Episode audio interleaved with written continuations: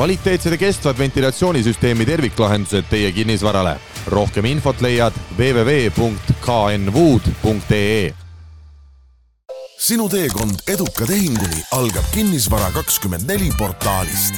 meie juurest leiad huvilise nii oma Setomaa suvilale kui Kalamaja korterile.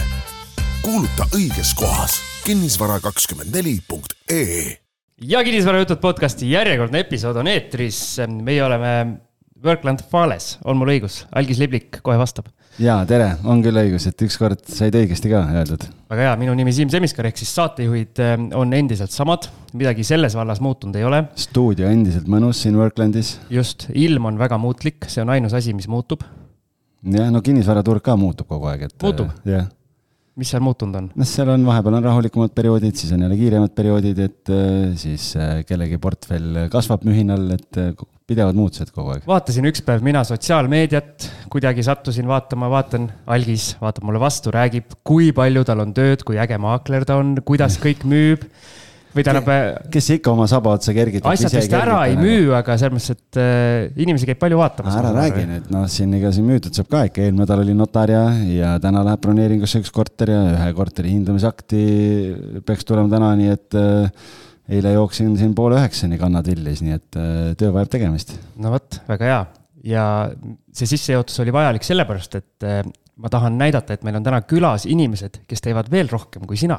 kindlasti, neid jälgides sotsiaalmeedias, äh, siis ei kahtle. jah, kui sina teed poole üheksani, siis neil alles nii-öelda käed saavad soojaks selleks ajaks vist on nii? siis põhitöö lõpeb ja siis minnakse alles Just. kinnisvara kallale. ja meil on tegelikult korduvkülalised Äh, algis kindlasti on uurinud, tema on meie saate arhivaar, et millal, millal see duo meil siin varasemalt saates käis. saade üheksakümmend viis. saade üheksakümmend viis ja meil on siis äh, täna külas kinnisvaraettevõtjad Alex Talisainen ja Eliis Mets. tere. tere. tere. kui, kuidas sissejuhatus tundus? no arvestades äh, toimunud muutuseid, siis üsna korrektne, et et oleme vaikselt liikunud investeerimismaastikult ettevõtluspoolele oma asjadega. kuulsid, Algis? minu kohta öeldi korrektne. eks see on see viisakus, vaata, et muidu äkki kolmandat korda ei kutsuta enam, et selles mõttes kõik on korrektne, et inimesed teavad, kuidas asjad käivad. arvestades, kui kiirelt äh, meie tänased külalised äh, võrreldes eelmise saatega edasi on liikunud, siis ma arvan, et me peame juba varsti nad kolmandat korda kutsuma. tõenäoliselt. jah kuulge, aga need, kes ei ole kuulanud saadet üheksakümmend viis, et äkki teete siis algatuseks sellise lühiülevaate, et eh, kes te olete, kust te tulete ja millega te igapäevaselt eh, tegelete? Eh, minul on suhteliselt muutusteta, et endiselt töötan juristina igapäevaselt ja õpetan majanduskoolis ja tegelikult siis aitan ka oma vabast ajast äh, siis ettevõtteid äh, juriidilise poolega. et tänaseks hetkeks on tekkinud äh, päris mitu head püsivat koostööpartnerit, kellega siis igakuiselt toimetame. ma mäletan, et sul oli ka mingi üliõpilaste välismaale aitamise asi. see on ka endiselt alles. endiselt alles, okei okay et Siim... midagi ära pole jäänud, ainult asju on juurde tulnud. miks ma mäletan, erinevalt Siimust ma teen kodutöö ära ja ma kuulasin meie eelmise saate ära et ma tean väga täpselt, millest me rääkisime. me Siim tegime tuli... ka kodutöö ära äh,, kuulasime ka. Siim lihtsalt noogutab selle peale ma teen ka kodutöö. see on hea, kui vaata kolmel neljandikul on kodutöö tehtud, et, äh, et siis. no aga üks, üks must lammas peab ka no, olema. peab, peab ikka. no vot. Alex.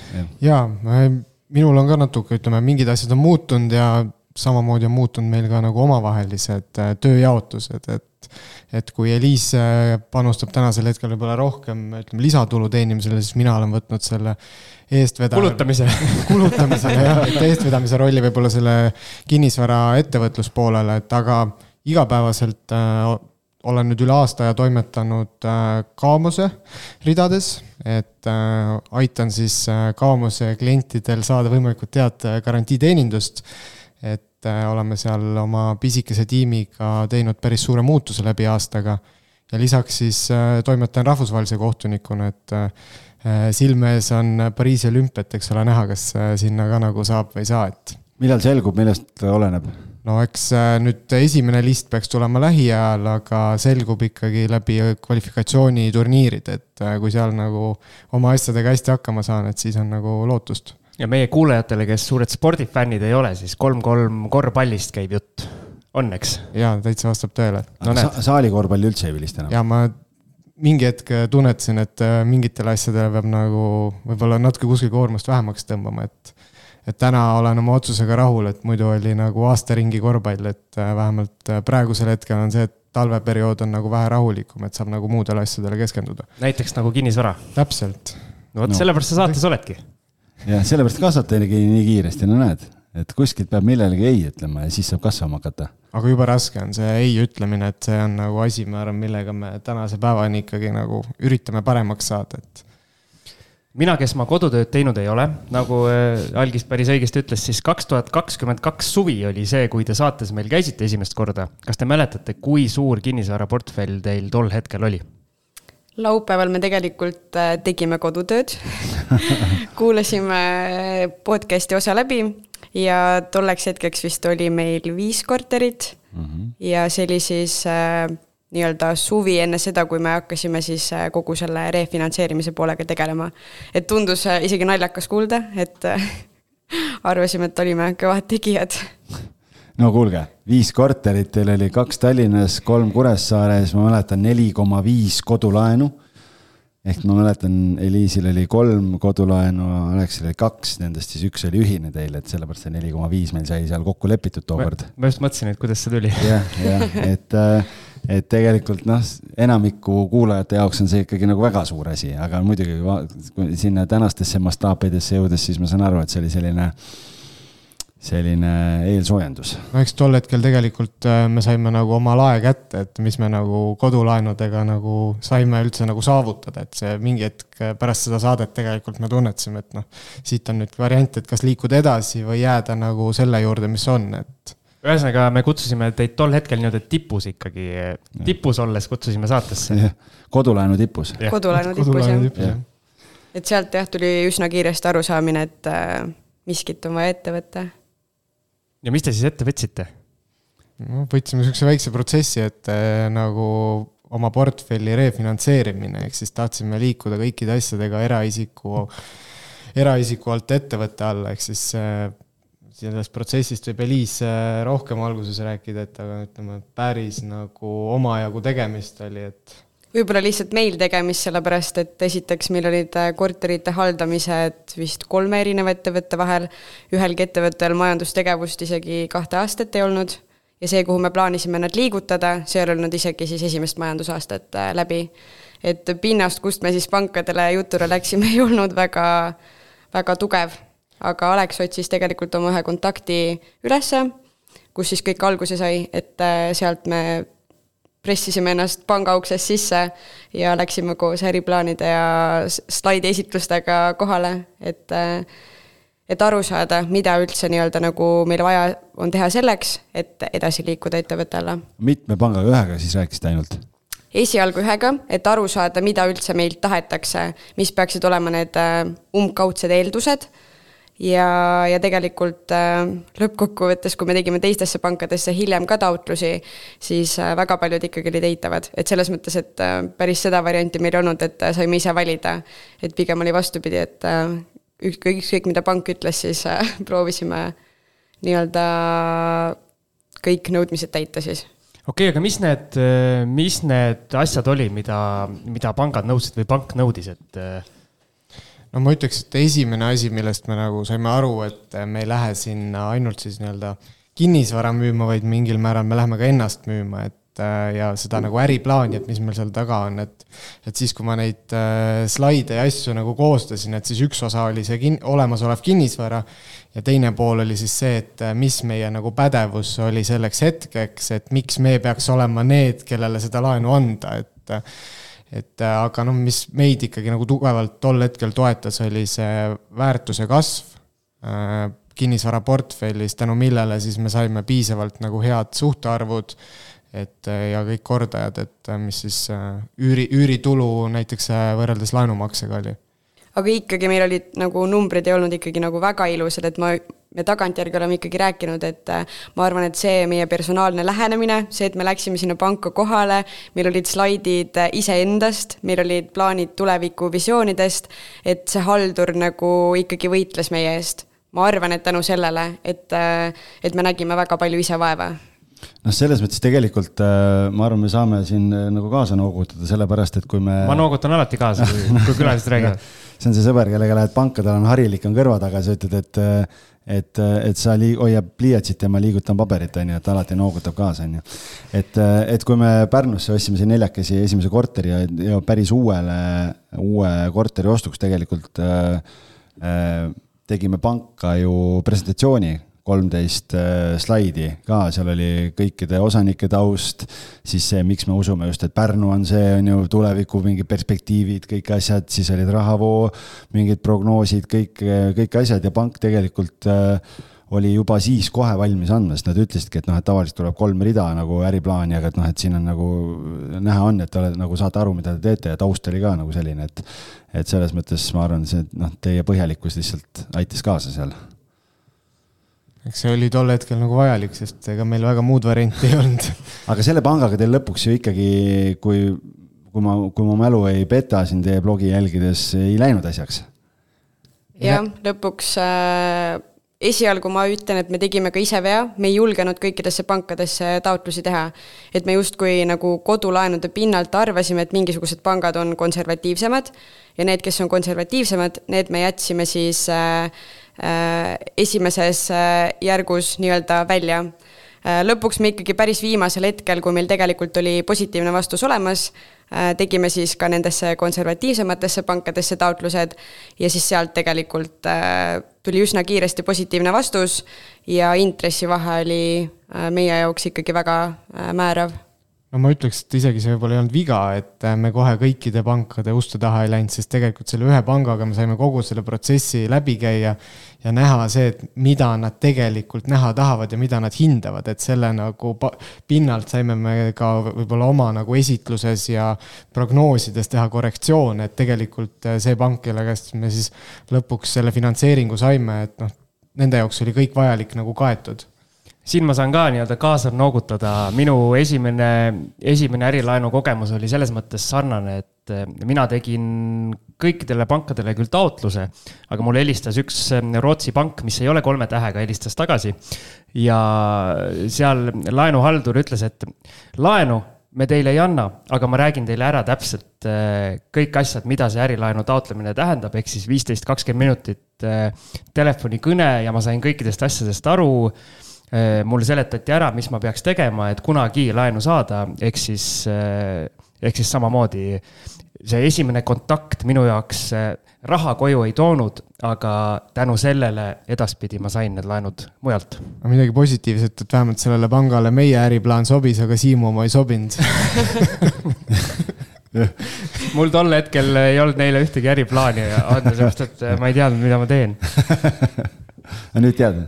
Ei tea veel okei okay., nii, aga kas saate te intressi ka avalikustada või, et mis see siis, mis saite siis? noh, ega tegelikult see ju mingi saladus ei ole päeva lõpuks, et äh, see jäi alla kolme, et et see, ma ütleks, et alguse kohta oli üle meie ootuste ja isegi kui me tegime neid kalkulatsioone, siis tegelikult me tegime nagu kõrgemaga, et. aga millega, mis te ise lootsite saada? no ütleme sihuke nelja-viie vahel, aga noh. aga me olime viiega nõus me saite lihtsalt... alla kolme, see on ikka üüratu me vahe. me tahtsime, me, me, me olime valmis alla kirjutama ikkagi viie protsendile. et äh, me lihtsalt tahtsime saada refinantseeritud ja siis mõelda edasi, aga see, et see tuli alla kolme, oli igal juhul meie jaoks väga suur võit see on ikka nagu üli, ülihead tingimused, et. Äh, no siin võib-olla, mis on nagu oluline nüanss, on ka veel see, et erinevates turuolukordades erinevad pangad on nagu otsivad siis konkreetseid nagu laenusuundi, et mõni pank on täna näiteks hästi agressiivne kodulaenude suunas, et et kuna nende see laenuportfell koosneb erinevatest osadest, mis peavad olema siis protsentuaalselt täit-, täidetud, et siis tuleb lihtsalt see õiges ajahetkes üles leida see õige pank, kes on siis agressiivne, kes täidab siis oma seda portfelli osa, et see on ka võib-olla niisugune nagu nüanss.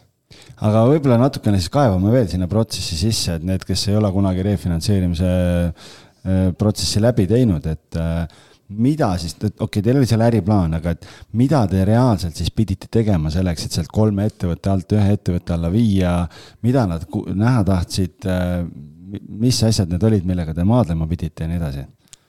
no alustasime sellega, et kulutasime palju raha, sest äh, kõik kinnisvara oli vaja ära hinnata et see oli juba sihuke esimene nagu päris, päris kulukas väljaminek. aga tuli sealt positiivseid üllatusi ka siis tänu turule? jaa, no sest me ütleme, tol hetkel me ma ütleks, et me saime oma hindamised tehtud turu tipus. et äh, täna ma arvan, et äh, need asjad võib-olla ei ole nii palju väärt, kui nad olid tol hetkel.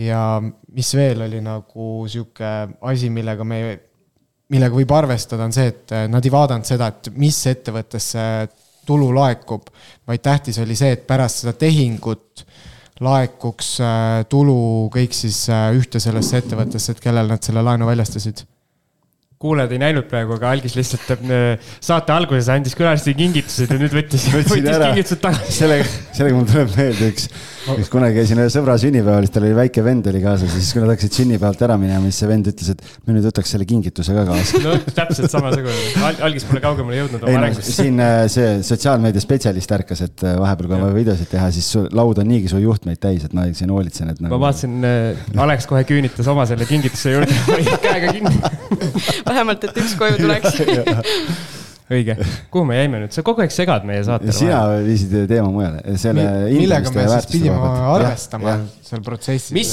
mis suhtarve ja mida teilt nõuti, kas te pidite kuidagi optimeerima ka oma, oma neid üürikaid või?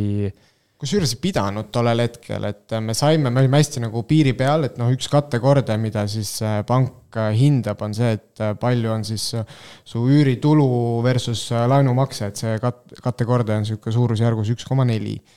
et ja teine asi, mis meid nagu toetas tol hetkel, oli see, et see refinantseeritava siis laenu osakaal oli piisavalt nagu väikseks muutunud tänu sellele, et Äh, kinnisvara vara väärtus oli tõusnud, ehk siis loan to value oli ka panga jaoks tegelikult nagu positiivne. on sul, Algis, mingeid küsimusi mm.? sest see on üks, üks väga selline äh, kuidas ma ütlen, äh, nõutud teema, mida meie käest ka küsitakse, et paljud ju alustavad kodulaenuga ja mingil hetkel tuleb samamoodi piir ette, mõnel tuleb see ühe kodulaenu juures, mõnel tuleb see viie juures, eks, aga, aga kuskil see tuleb ja. nüüd on siis see vara kõik ühe ettevõtte all teil mm. -hmm. kuidas see protsess välja näeb, räägime sellest ka siis, et kuidas te saite eraisiku nimel olevad korterid ja, ja teiste ettevõtete vahelised äh, tehingud ja asjad, et. Äh, ma natuke korrigeeriks, tegelikult kõik ei ole ettevõtte nimel, vaid osad korterid jäid ikkagi eraisikule, aga need tagavad siis seda laenu. aga okay. see oli meie jaoks ikkagi väga suur segadus, et me päris täpselt ei saanud aru, et äh, me võtame ärilaenu, aga miks me ei pea siis nii-öelda oma nagu eraisikute portfelli ümber kirjutama ettevõtte nimele. Äh, sest osades pankades see isegi ei olnud nagu arutelu koht, et pididki kirjutama ka korterid ettevõtte nimele aga, aga jah, et siis see pank, millega me tehingusse läksime, siis tegelikult pakkuski välja variandi, et see ei ole nendepoolne nõue, et lihtsalt äh, nii-öelda eraisiku korter on lihtsalt nii-öelda nagu tagatiseks. tagatiseks ja ettevõttel on siis kohustus äh, eraisiku ees, kellele see korter siis kuulus, et. kas teil on seal ettevõttes muid tulusid ka või ongi ainult, äh, ainult üüritulu? tegelikult see oli samamoodi esialgu siis selline küsimuse koht et äh, esimene vastus ei olnud meile kindlasti jaatav pangast ja siis me tegelikult, äh, meie nii-öelda nagu teiseks variandiks oligi see, et me olime valmis tooma kõik oma teenuslepingud siis äh, nii-öelda ettevõtte alla, et pangal oleks nii-öelda nagu kindlus olemas, et, et saaksid igakuised kohustused kaetud. Õnneks me seda lõpuks tegema ei pidanud, aga nüüd, kui me siis tegelikult ärimaja tehingusse läksime, tükk-tükk hiljem, siis tegelikult me läksime sellesama variandiga, et me olime nõus kõik oma nii-öelda isiklike varaaldusettevõtete teenuslepingud üle viima siis sinna ettevõttesse, kus äh, finantseerimine oli siis vajalik. et me tõesti võimlesime kukerpalliga ettepidi, tahapidi, peaasi, et see kuidagi nagu võimalikuks saaks no mis tegelikult ma ütleks tagantjärgi on positiivne, et meil ei ole seal nagu muid tulusid, et täna see ettevõte ikkagi toimetab juba täiesti nagu iseseisvalt, et ta on nagu finantsiliselt stabiilne. ja, ja me oleme suutnud nagu seda noh, niivõrd hästi nagu kasvatada ajas, et, et meil on nagu, me ei pea sinna lisatulusid nagu juurde tooma, et ta majandab ennast ise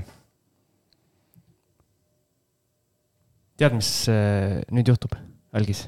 esimene lumiorava paus. Sinu teekond eduka tehinguni algab Kinnisvara kakskümmend neli portaalist. meie juurest leiad huvilise nii oma Setomaa suvilale kui Kalamaja korterile. kuuluta õiges kohas kinnisvara kakskümmend neli punkt ee.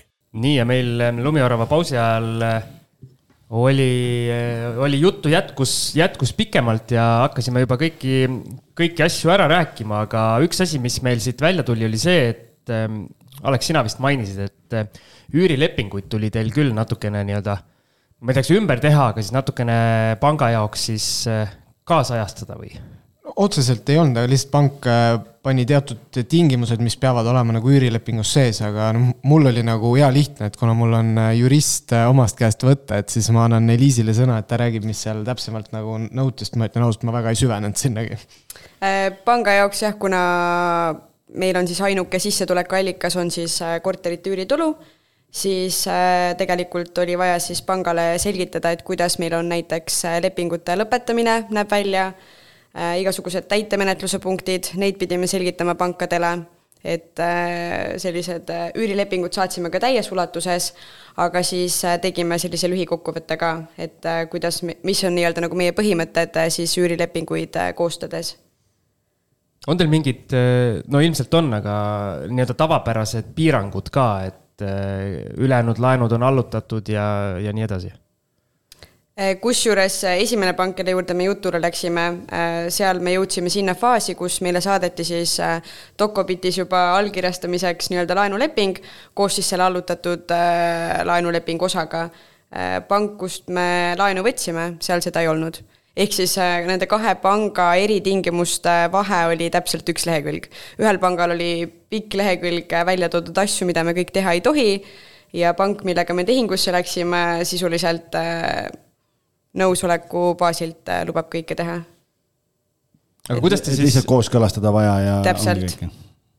aga kuidas te siis äh, nii-öelda soovitaksite, tähendab, mis te soovitaksite, kui keegi tahab samasuguse asja ette võtta, et äh, teil on see kogemus üsna värskelt olemas, mis, mismoodi enda jaoks seda lihtsamaks teha, mis ämbreid alguses mitte kolistada, minna kohe õige pangajutule on vist kõige õigem öelda. no see on üks variant, aga teine variant on võib-olla konsulteerida kellegagi, kes on selle protsessi läbi käinud, et meie poole on ka tegelikult inimesi pöördunud, kes on küsinud nagu selle äh, tagamaid, et mida me nagu tegime mis, mis kattekordajaid või suhtarve me nagu jälgisime.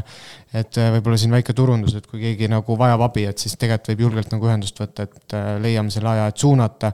ja teine asi on äh, ikkagi see, et suhelda pankadega avatult, et pankadega kui koostööpartneritega, et tegelikult pangad on ka ju huvitatud laenu andmisest, kuna see on nende nii-öelda tulu teenimiskoht ja kaasata ikkagi võib-olla oma ala spetsialiste, et äh, maksustamise osas meil oli väga palju küsimusi ja proovisime siit guugeldada, sealt guugeldada, aga tegelikult ikkagi korralik äh, maksuspetsialist, äh, kes oskaks vastata küsimustele ja raamatupidamine, et äh, ei ole vaja ise pussida asjadega. aga räägi sellest raamatupidamisest, meil siin natukene siin lumiorava pausi ajal läks jutuks, et, et äh, teil oli ka seal mingeid huvitavaid seike. jaa, et äh, ma isegi ei tea, miks, aga mina olin see siis, kes äh, tegi raamatupidamist ilma siis mingisuguseid raamatupidamise teadmisi omamata.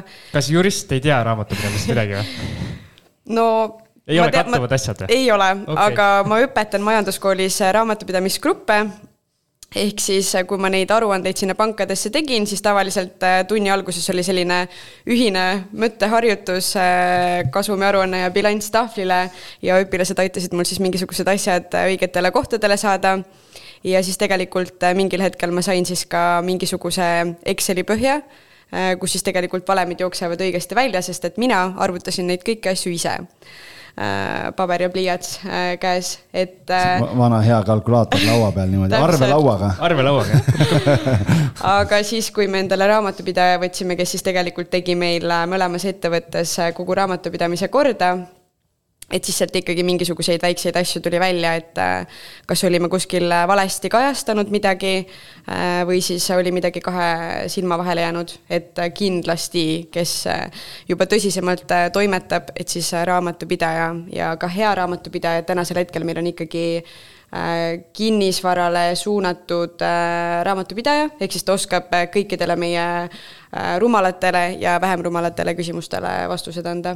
See on jah oluline, et äh, raamatupidajad on ka nagu erineva suunitlusega, et äh, kui me siin otsisime omale nii-öelda siis äh, abilist, siis mõni ütles kohe otse, et kinnisvara maksustamine ja kõik sellega kaasnev on niivõrd keeruline, et ta ei hakka isegi nagu sinna süvenema, et et pigem jah, natuke maksta rohkem, aga et sa saad nagu kindluse selles osas, et asjad on korrektselt tehtud selle laenu taotlemise juurde tagasi tulles, ma olen siin saates ka vist kümme korda öelnud, et pankade juurde ei tohiks minna selle, selle mõttega, et nii-öelda laenu lunima, et palun, kas te saate mulle anda, vaid vastupidi, minna, minna küsima, et mida ma pean tegema, et laenu saada. et nagu Alex ütles, et see on panga, panga ülesanne laene välja anda, muidu nende aktsionärid tulevad kaikaga neile ukse taha, kui raha ei liigu.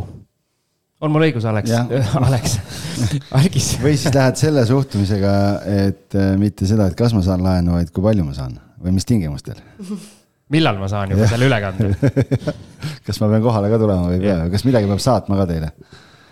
Jah, kui võib-olla ma ei tea, siia teema juurde veel lisada, et kus nagu meie jaoks oli suur, suur kulu, mida me võib-olla algul ei osanud väga hästi arvestada, olid notari, notaritasud ka, et see kogu see hüpo-. no kõik need kulud kokku ja. tegelikult, et. mis see äh, suurusjärk siis? no ikka tuhandetes, pluss hindamised, pluss meie tegime veel ikkagi kahe korteri ümberkirjutamised äh, eraisikult ettevõtte alla et äh, võib-olla esialgu olid harjunud nende kodulaenu võtmisega kaasnevate notaritasudega, mis on seal niisugune no ikkagi alla tuhande euro, siis korraga tuli ikkagi välja käia päris palju rohkem. mis tähendab eraisiku korteri ümberkirjutamine ettevõtte alla, mida see reaalselt nagu juriidiliselt tähendab, mis see, mis need sammud on seal? meil oli lihtsalt selles mõttes notariaalne tehing, mis me tegime siis äh, samal nädalal, kui meil oli siis nii-öelda refinantseerimise tehing ja et me nii-öelda nagu rahasid nii-öelda nagu füüsiliselt ei liigutanud, siis tegelikult sai notariga ka siis läbi konsulteeritud, et me justkui selles notarilepingus põimisime sisse siis äh, sellise nagu laenulepingu, ehk siis me justkui nagu eraisikutel jäi nagu laenukohustus ülesse. et ettevõttes siis kunagi nii-öelda teistpidi ikka ettevõttele ja eraisikule. jah, just, et, et sa... justkui see laenukohustus läks sinna notariaalsesse lepingusse sisse. see mõte oli see, et äh, tegelikult äh, miks me tahtsime selle ära teha, et kasutada seda maksuvaba eelist, et kuna üht, kodu võib müüa üks kord kahe aasta jooksul, et et siis me otsustasime, et me liigutame need ära, et siis meil tulevikus, siis meil hakkab see nii-öelda kell juba jooksma, et siis me saame kaks aastat äh, oodata nüüd oma järgmiste eraisiku tehingutega, et kõik on läbimõeldud, mulle tundub. no ütleme nii, et äh, tasub mõelda, sest see võib äh, päris, äh, päris kalliks muidu minna. kas tagantjärele vaadates mõne vea ka tegite või, või kõik sai nii-öelda jooksvalt parandatud, mis tehtud sai? No mina ütleks, et äh, suurim viga oli see, et võib-olla me ei konsulteerinud kellegiga, kes on juba seda protsessi läbi teinud, et me olime nagu mingitel hetkedel olime nagu omapäi, et siis, siis me kahekesi genereerisime mingit äh, nagu, mingeid ideid, aga noh, reaalsuses neid nagu ellu ei saanud viia, et päris palju nagu rõhku läks sellisele tühjale tööle, ma ütleks ka kas üürnike jaoks tol hetkel ka midagi muutus? pidite mingeid lepinguid ümber tegema, näiteks kui üks korter läks eraisikult äh, ettevõtte alla, kas pidi lepinguid muutma ja kuidas, kas nagu üürnikud hakkasid pabistama ka, et mis nüüd toimub, et äh, kas te müüte mul korteri alt ära? Äh, me tegime lepingu lisad ja tegime sellise nii-öelda nagu teavitusmeili, et sisult nagu üürniku jaoks midagi ei muutu, muutub pangakonto ja nii-öelda arvesaaja aga sellega mingisuguseid probleeme ei olnud, et lihtsalt mõnel üürnikul võib-olla oli kuskil see nii-öelda vana arvelduskonto äh, kuskil seal omal olemas, et siis paar korda ikkagi laekumised olid valesti, aga, aga midagi selles mõttes äh, ja ma ütleks, mis nagu võib-olla enda jaoks tegelikult tegime lihtsamaks, oli see, et me viisime kogu kupatuse nagu ühte kohta kokku. jagasime ära omavahel ülesanded, et kes millega tegeleb, sest enne oli see, et mingid korterid olid Eliisi hallata, mingid korterid olid minu hallata. siis me mõlemad tegime arveid, mõlemad suhtlesime üürnikega, et täna me oleme ikkagi selle fookuse võtnud, et. et mina suhtlen üürnikega, teen arveid äh, ja olen nende nagu kontaktisikuks, et. et Eliis saabki keskenduda oma nagu muudele tegemistele, et sest ega selles mõttes korterit puudutavaga oli ikkagi see, et üürnik võis mulle helistada, aga mina suunasin selle ikka Alexile edasi. vähendasime niisugust nii-öelda mikromanageerimist. et ei ole seda duubeldamist, et täna, kui on nii-öelda nagu aeg äh, piiratud, et siis me ei teeks nii-öelda paralleelselt mingisuguseid asju enne kui me jõuame tegelikult selle suure põhjuse juurde, miks me teid saatesse kutsusime, ehk siis üks ärimaja Kuressaares, siis äh, kas teil vahepeal on ka lisandunud äh, korterid portfelli? on ikka. on ikka muidu, Siim, muidugi. ära küsi. kodulaenukraanid avanesid ju küsi parem, kui palju, mitte et kas on. Äh, sisuliselt, kui meil oli kakskümmend neli aprill kaks tuhat kakskümmend kolm oli refinantseerimise tehing, siis tegelikult juba mai algusesse oli kaks uut notarit planeeritud et äh, esimene oli siis meil kesklinna korter, mis oli niisugune omaette ettevõtmine äh, paariks järgnevaks kuuks ja siis sõlmisime ka ühe võlaõigusliku äh, kohe mai alguses otsa. et kõik olid juba planeeritud, need järgnevad tehingud. mis see kesklinna korter, räägime siis, see on see Airbnb korter teil mm? -hmm. et see on nüüd, sellega teete Airbnb-d praegu ka? kuidas teil läheb sellega? no tahad ausat vastust või ilusat vastust? ausat no eks me ei arvestanud sellega, et mis nagu talvel toimub, et tegelikult nüüd jaanuar-veebruar on vähe vaiksemad. aga ma ütleks, et äh, huvitav kogemus.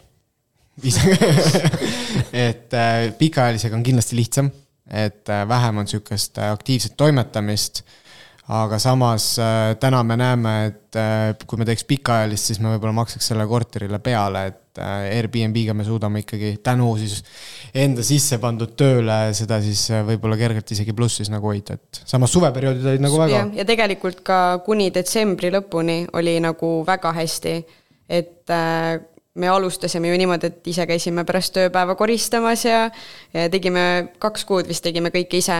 et siis tegelikult nüüd alates siis augustist me ei oleks olnud enam suuteline tegema, et kui kell kaksteist läks inimene välja, siis kell kolm tuli juba uus inimene, et see ei oleks olnud enam hallatav no aga alustuseks ma ütleks, tegelikult see oli päris hea, et me saime nagu hea ettekujutuse, et mida me otsime siis puhastusteenindajalt, kes meile appi tuleb. et äh, ja samamoodi me saime aru ka võib-olla siis, äh, mis sealt klientidest nagu järgi jääb või, äh, või. kas korter jääb alles või ei jää? täpselt, et noh, siis meil tekkis sihuke nagu parem tunnetus, et täna, kui me oleme nagu host'id, et siis me suudame nagu sellele külastajale pakkuda võimalikult parimat sihukest kogemust siis enne kui algis, algis küsib, kus see kesklinnas on? see on paberi trammipeatuse kõrval, ehk siis tulevikus loodetavasti saab trammiga lennujaama sõita ja sadamasse, et äh, logistiliselt hästi nagu võib-olla lihtsamini siis need Stockmanni kõrval, mina ei tea, kus paberipeatus on. mina ka ei tea vot, nüüd kõik teavad sa tahtsid midagi lisada, Eliis? ma tahtsin lisada. ma tahtsin küsida, kust te koristaja leidsite siis? koristaja või? Äh, no tuleb, tuleb kasuks äh, haldusettevõttes töötamine, et otsisin oma vanad kontaktid välja ja, ja küsisin, et kas keegi oleks nagu huvitatud ja ja siis sain. aga no sellega oli ka keeruline. Alex ise oli kuskil vilistamas, koristajad on vene keelt kõnelevad isikud, mina sain nendega korteris kokku, mina ühtegi sõna vene keeles ei räägi ja siis kuidagi internetiühendus oli ka väga halb ja siis kuidagi seal Google Translate'iga käisime mööda korterit ringi ja siis ma kätega proovisin selgitada, et mida on vaja koristada, kuidas on vaja koristada ja aga mis ma tahtsin enne öelda, on see, et tegelikult ikkagi alguses oli päris palju jooksutamist, et äh, me ostsime äh, uue, uus pliidiplaat tuli, äh, me olime ostnud ära kõik pannid-potid ühel õhtul vist käisime kuskil jalutamas, järsku tuleb siis Airbnb külaliselt äh, kiri, et äh, kuulge, et need pannid ja potid ei tööta. et äh, need ei olnud induktsioonplaadile mõeldud. ehk siis äh, samal õhtul jooksime poodidesse, ostsime potid-pannid, siis äh, tegime kaasa sinna väikese kingituse, maasikad ja mingi jook ja et selles mõttes alguses ikkagi seda ämbritesse kolistamist oli ka päris omajagu. pottidesse kolistamist siis seekord? jah nii, ja kuidas on siis mingeid markantseid juhtumisi ka olnud äh, klientidega äh, kuidagi mingeid probleemseid kliente sattunud? kusjuures ei ole, ma ütleks, et korter on äh, väga hästi säilinud tänu sellele, et seal peale igat külastust käib puhastusteenindaja üle, kes teeb selle asja korda, et ma ei, ma ütlen ausalt, et ma isegi täna ei oska nagu karta seda, et sihukest nagu halba kogemust, et. teete Airbnb-d ainult või booking ut või mõlemat või ainult booking ut? teadlik valik on ainult Airbnb, et äh, ütleme siis hästi sobituda nende algoritmidesse, et äh, oleme natuke seda taustatööd teinud, et äh, et me näiteks ei pane omale ühtegi päeva kinni, noh, kus, mis on hästi Airbnb algoritmi suhtes hästi oluline. teisalt me vastame hästi kiiresti ja noh, siis äh, sellega välistame ka topeltbroneeringud, et kuna me ise seda haldame, et siis ma tunneksin, et kui me teeks mitmel platvormil, et siis see halduskoormus läheks ka suuremaks. kui palju see korter maksis ja kui ma õigesti mäletan, kuskilt sotsiaalmeediast ilmselt jälle vaatasin, kuidas te seda renoveerisite, et seal tuli päris, päris korralik remont ka teha, eks? Siim, Siim nii otse kohe tõiste rahakotti, et palju maksis. Ikka, ikka kohe. Aga ei, me saime päris hea hinnaga selle lõpuks, me tingisime alla ka veel ja me saime sir.... see tuli samamoodi nagu Alex ikka läheb. Oh, ma pakun mingi kümme alla, et kui tuleb. kümme prossu või kümme tuhat? kümme tuhat, et äh, kui tuleb, siis tuleb, siis mõtleme edasi, kust raha saab. alla kümne tuhande alla küsida ei ole üldse mõtet algis maaklerile, on ju aga jah, eneseüllatuseks sealt tuli nagu kohe nagu, et okei okay,, lähme siis. võtke kakskümmend alla piltlikult, et äh, aga ütleme nii, et kuna me olime kõik nagu finantsplaanid teinud ja vaadanud, et äh, nii-öelda teinud ka võrdlevaid tehinguid, et mis nagu kesklinnas pakutakse, et me saime circa kolm tuhat euri ruut, et ma arvan, mis on nagu kesklinna mõistes väga-väga äh, hästi. palju sisse läks remondiraha? Äh, sisse läks. Äh, rohkem, kui me arvasime. jaa. nagu alati. jah. aga no me otsustasime mingi hetk, et me ikkagi teeme natuke rohkem, et äh, kuna me tegime kannapöörde, et me selle Airbnb-ks ette valmistame, siis oli vaja natuke ka selle poole pealt ette valmistada. ah, see muudatus tuli siis kuidagi nagu käigu pealt? jah, see tuli käigu pealt, et. ja, see tuli täitsa lõpus, et tegelikult äh, ütleme niimoodi, et me olime vist kaks nädalat seal Airbnb-s üleval olnud äh,, bronne ei tulnud ja siis me juba mõtlesime, et okei okay,, läheb pikaajalisse, et äh, kuidagi see kartus oli nii suur, et äkki ei lähegi käima.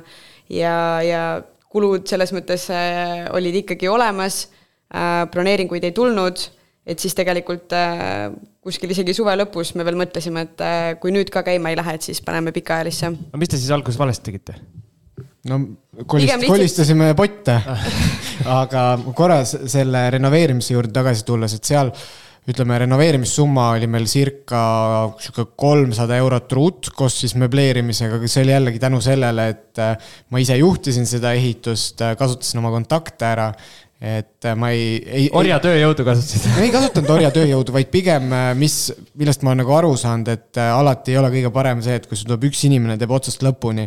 vaid ma kasutasingi oma ala spetsialiste, kes tegid oma töölõiku ja, ja üldjuhul nii tuleb soodsam, et Äh, ja samamoodi materjalide poole pealt, et kasutasin, kasutasime ka oma kontakte ja varasemat kogemust, et et just äh, kogu sisustuspool, et millega nagu Eliis tegeles, et sealt me ikkagi saime ka. lihtsalt kogu see protsess oli nagu oluliselt suurem, kui me oleks nagu algul arvanud. et äh, mai, kümnes mai me saime kätte, samal päeval kohe tulid sul ehitusmehed sinna korterisse ja siis hakkas nagu kogu möll pihta, aga valmis me saime ta ikkagi juulis millalgi. et Juuli. juuni lõpus tahtsime, aga siis ikkagi ei õnnestunud.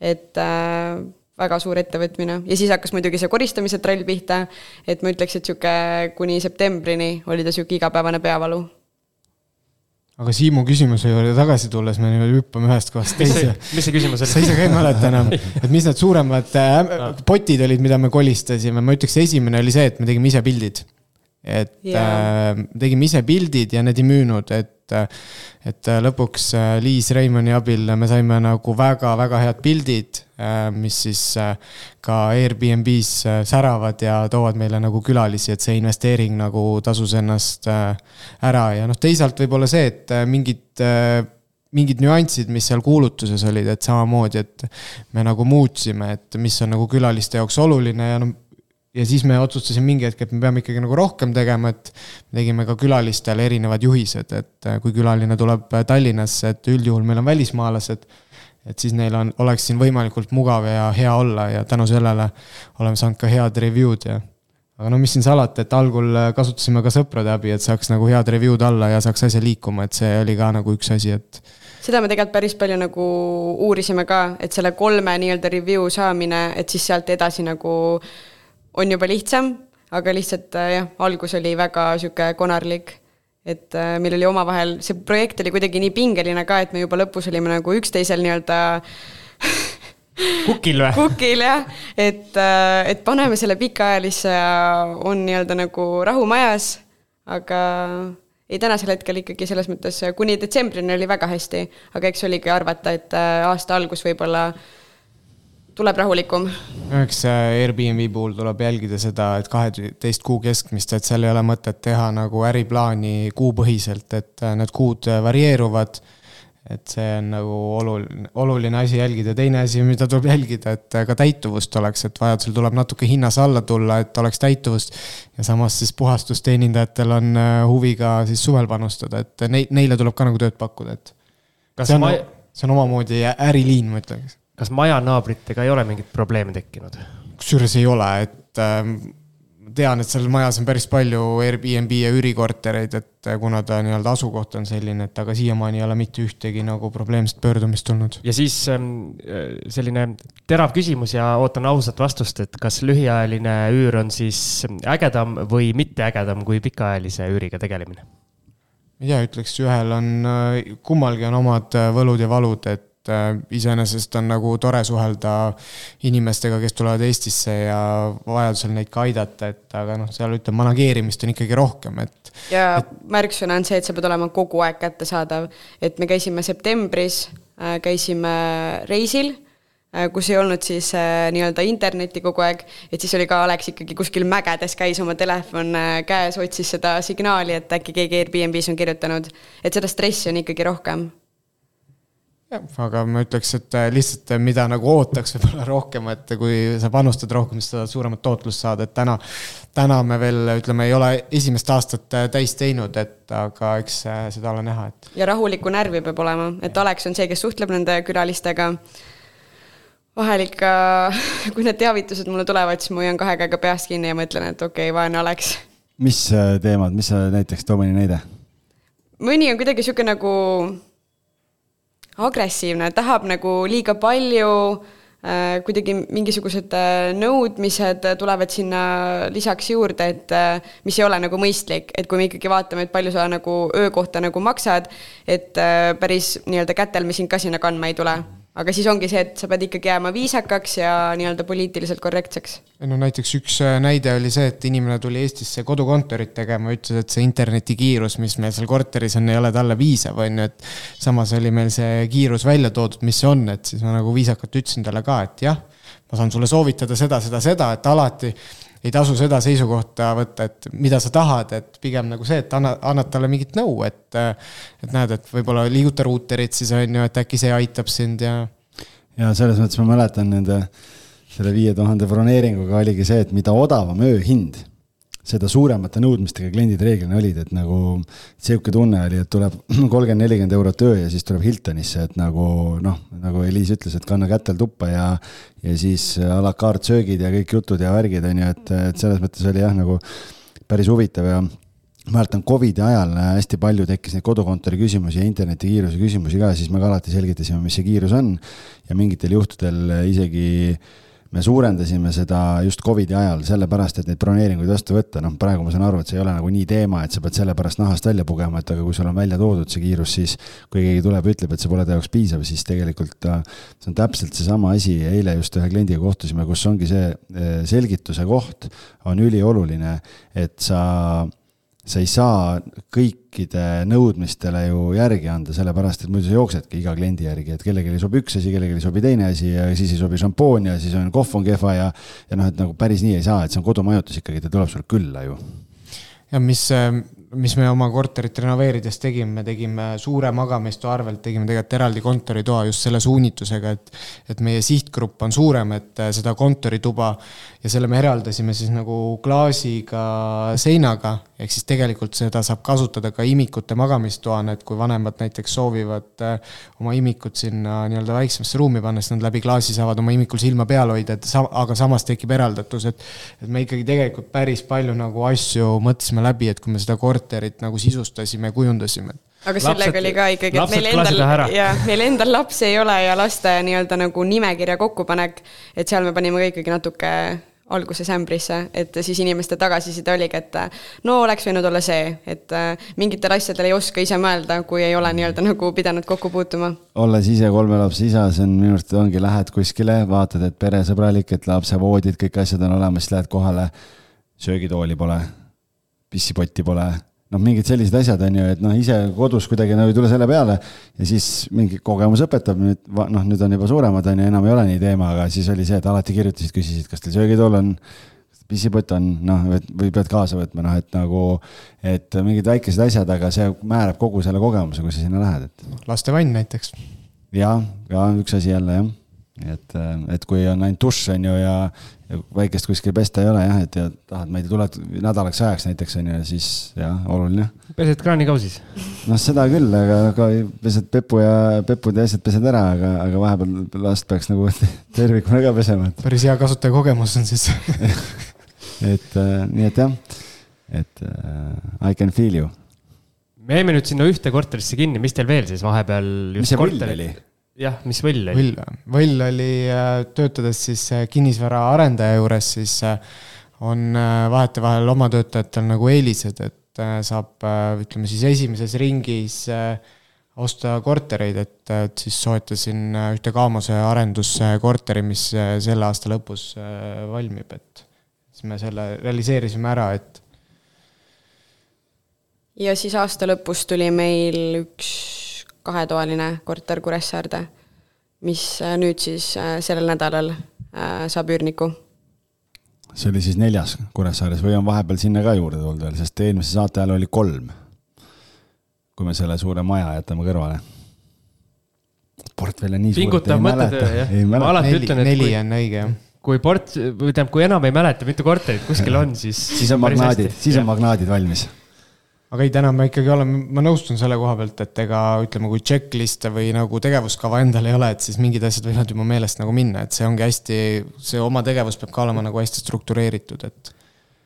enne kui me läheme teisele lumiorava pausile, ja selle suure teema juurde. suure teema juurde, siis äh, ma tahtsin midagi küsida ja ma ei mäleta, nii et ma arvan, et me võime vist minna pausile siis. no lähme nagu Algis mulle saate alguses ütles, siis hea on professionaalidega töötada kvaliteetsed ja kestvad ventilatsioonisüsteemi terviklahendused teie kinnisvarale.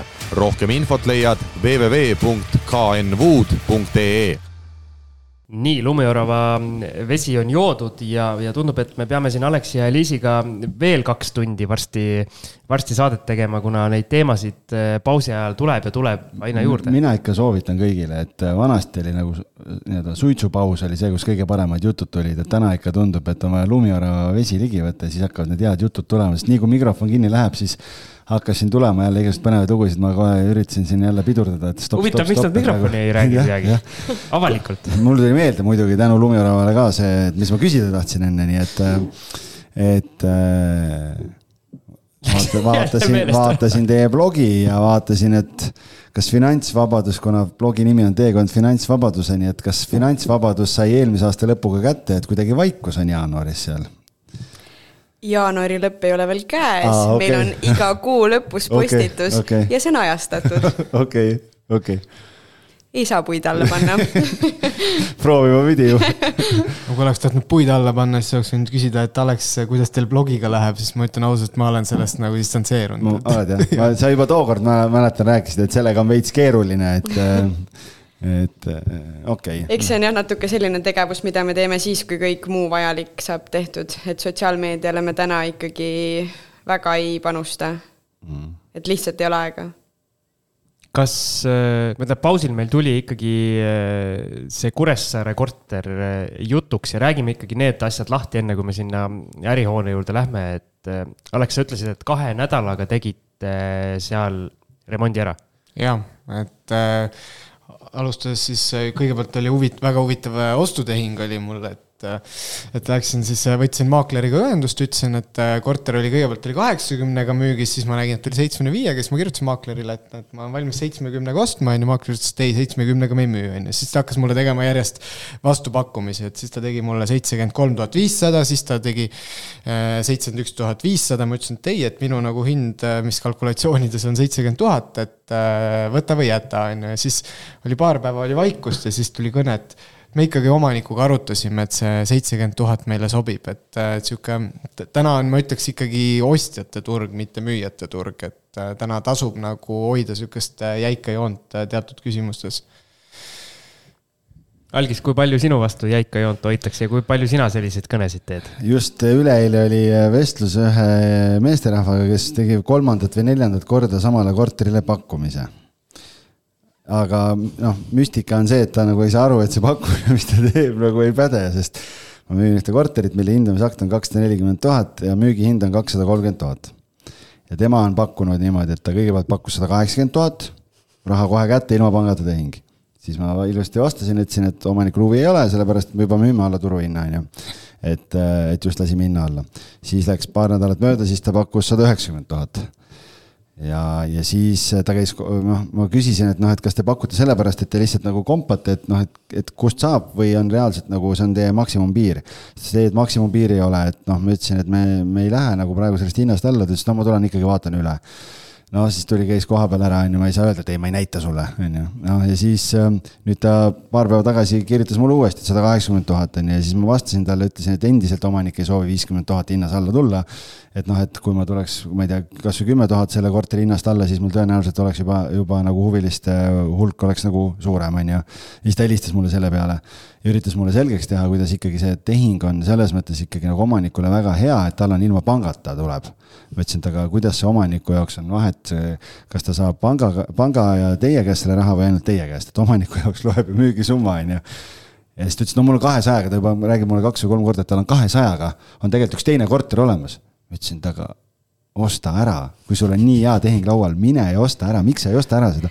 no mulle üks asi ei meeldi seal korteris, ma ütlesin, no aga nojah, ma ütlesin, kui sa kolm, kolm-neli kuud juba siin otsid selle hinnaga, et siis ilmselgelt sinu ootus ja turunägemus täna müüjate poole pealt ei ühti, on ju. Noh, Algis ei mäleta, et ta on seda juttu meile juba mitu korda rääkinud siin saates. ei, ta lihtsalt helistab korduvalt seda. ma pakuks, et talle hind ei meeldinud selle korteri juures. jah, tõenäoliselt jah nii et, et osad hoiavad väga jäika joont ja tõenäoliselt nad ka lõpuks leiavad mõne sellise omaniku, kes siis äh, ütlebki, et okei okay,, noh, lähme. aga kas ma ei tea, kui nüüd Alex tuleks ja võtaks või tähendab, küsiks sult kümme tonni alla, kas, kas see oleks okei okay? või, või siis, siis sa hakkad ka järgmises saates hakkad rääkima, kui hullud need ostjad ikkagi on? see sõltub korterist, ma räägingi, et mingite korterite puhul äh, see kümme tonni võib-olla ongi okei okay,, aga, aga noh, täna inimesed on hulluks läinud, et siin kahesaja kuuekümnestele tehakse pakkumisi kakssada ja noh, kakssada kolmkümmend tehakse pakkumisi sada kaheksakümmend tuhat, et nagu noh, kui nüüd loogiliselt mõelda kui omanikul oleks kiire selle müügiga, siis me ei hoiaks teda selle hinna peal, siis ma tuleks sealt kümme-viisteist tuhat alla ja me leiaks selle ostja, et miks ta peab viiekümne tuhande asemel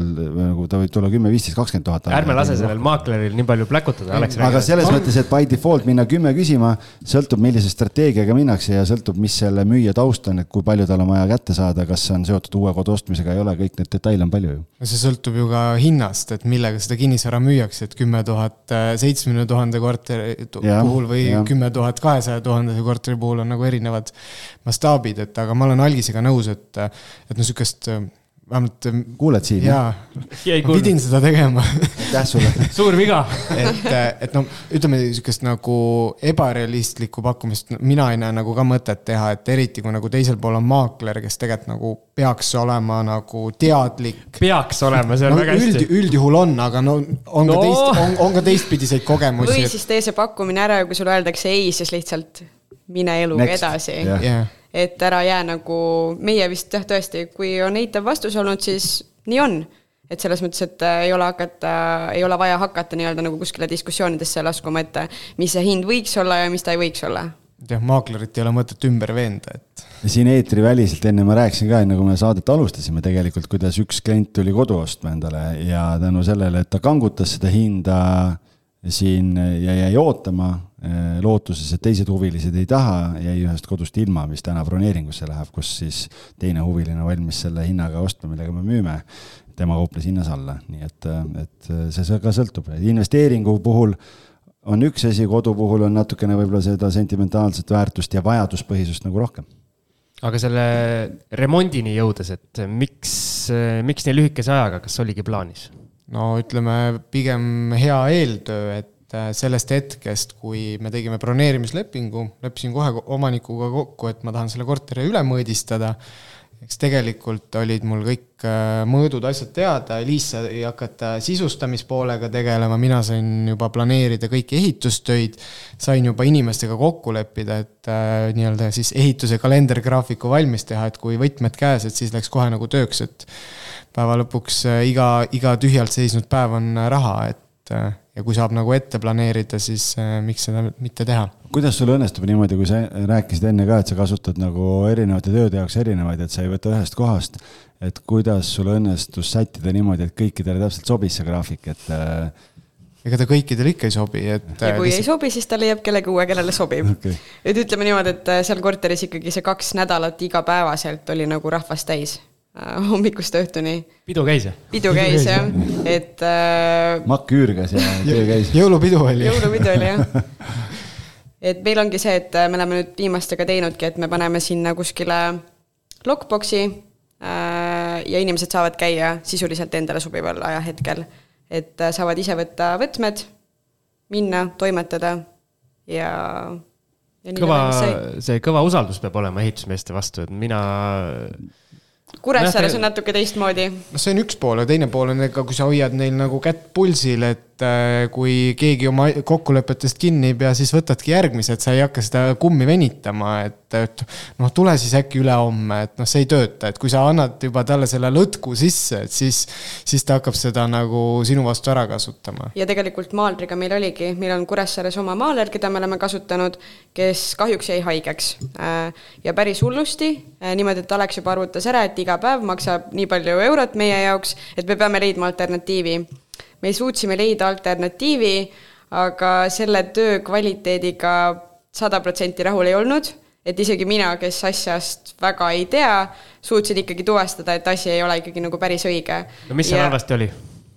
no ikkagi väli, välisilme nagu selles mõttes sa juba said aru, et äh, eks ta oli raske korter ka, et seal ei olnud palju valgust ja siis oli näha, et kuskilt mingi koht jäi nagu tähelepanuta pahteldamisel ja mingid augud olid, et. aga jah, et ega Alex ei jätnud seda, et ta käis selle maalriga korteri üle. Pani kõik need äh, nii-öelda kohad äh, paika, mis on vaja ümber teha ja lõpuks sein, maaler ise. sein oli kärbse sein ilusasti. ja, ja lõpuks ise maaler otsis nagu kohti juurde, kuule, ma võin juba siit ka siis uuesti teha. et, äh, et enne rahasid kätte ei saanud, kui oli kõik nii-öelda nagu korrektselt tehtud. šaakalid. täielikult noh. ei ole šaakalid. no oleks veits on ehitajad tahavad ka normaalselt, normaalselt tal oli järgmine objekt ootas juba siin, siin ei ole aega jokutada ühe objekti. siis tulebki korralikult teha siis peab mitu korda tegema. okei okay,, aga siis üürile andmisega, ma saan aru, vist eh, nii-öelda ajastus eh, ei sattunud kõige paremale hetkele, et eh, jah, ma ei tea, kui paljud inimesed äh, vana aasta õhtul söögilauas korterite kuulutusi tšekkavad, et meil läks täpselt kakskümmend kaheksa detsember hilisõhtul korter siis nii-öelda avalikuks. vaikus.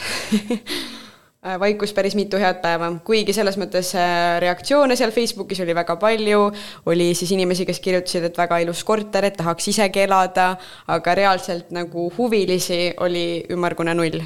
Ja hind oli vale või? No aeg oli vale ju. aeg oli, ma, ma, ma ei. samas, samas peale jõule võiks ju inimestel võib tekkida vajadus otsida uusi. mina ütlen ausalt, et mina, mulle just tundub, et seal vana-aasta õhtu lauas vist anti neid lubadusi, et uuel aastal uues kodus, sest vaadates praegu, et kui november-detsember no olid vaiksed, siis nüüd jaanuari algusest kohe mingi teisest-kolmandast jaanuarist hakkas ilge action pihta, ma ei tea, millal teil siis seal toimuma hakkas midagi? Meil hakkas ka jaanuari alguses tuli nagu esimene huviline, kellega me siis ära broneerisime ja siis ta ikkagi loobus ja, ja siis tuli uus.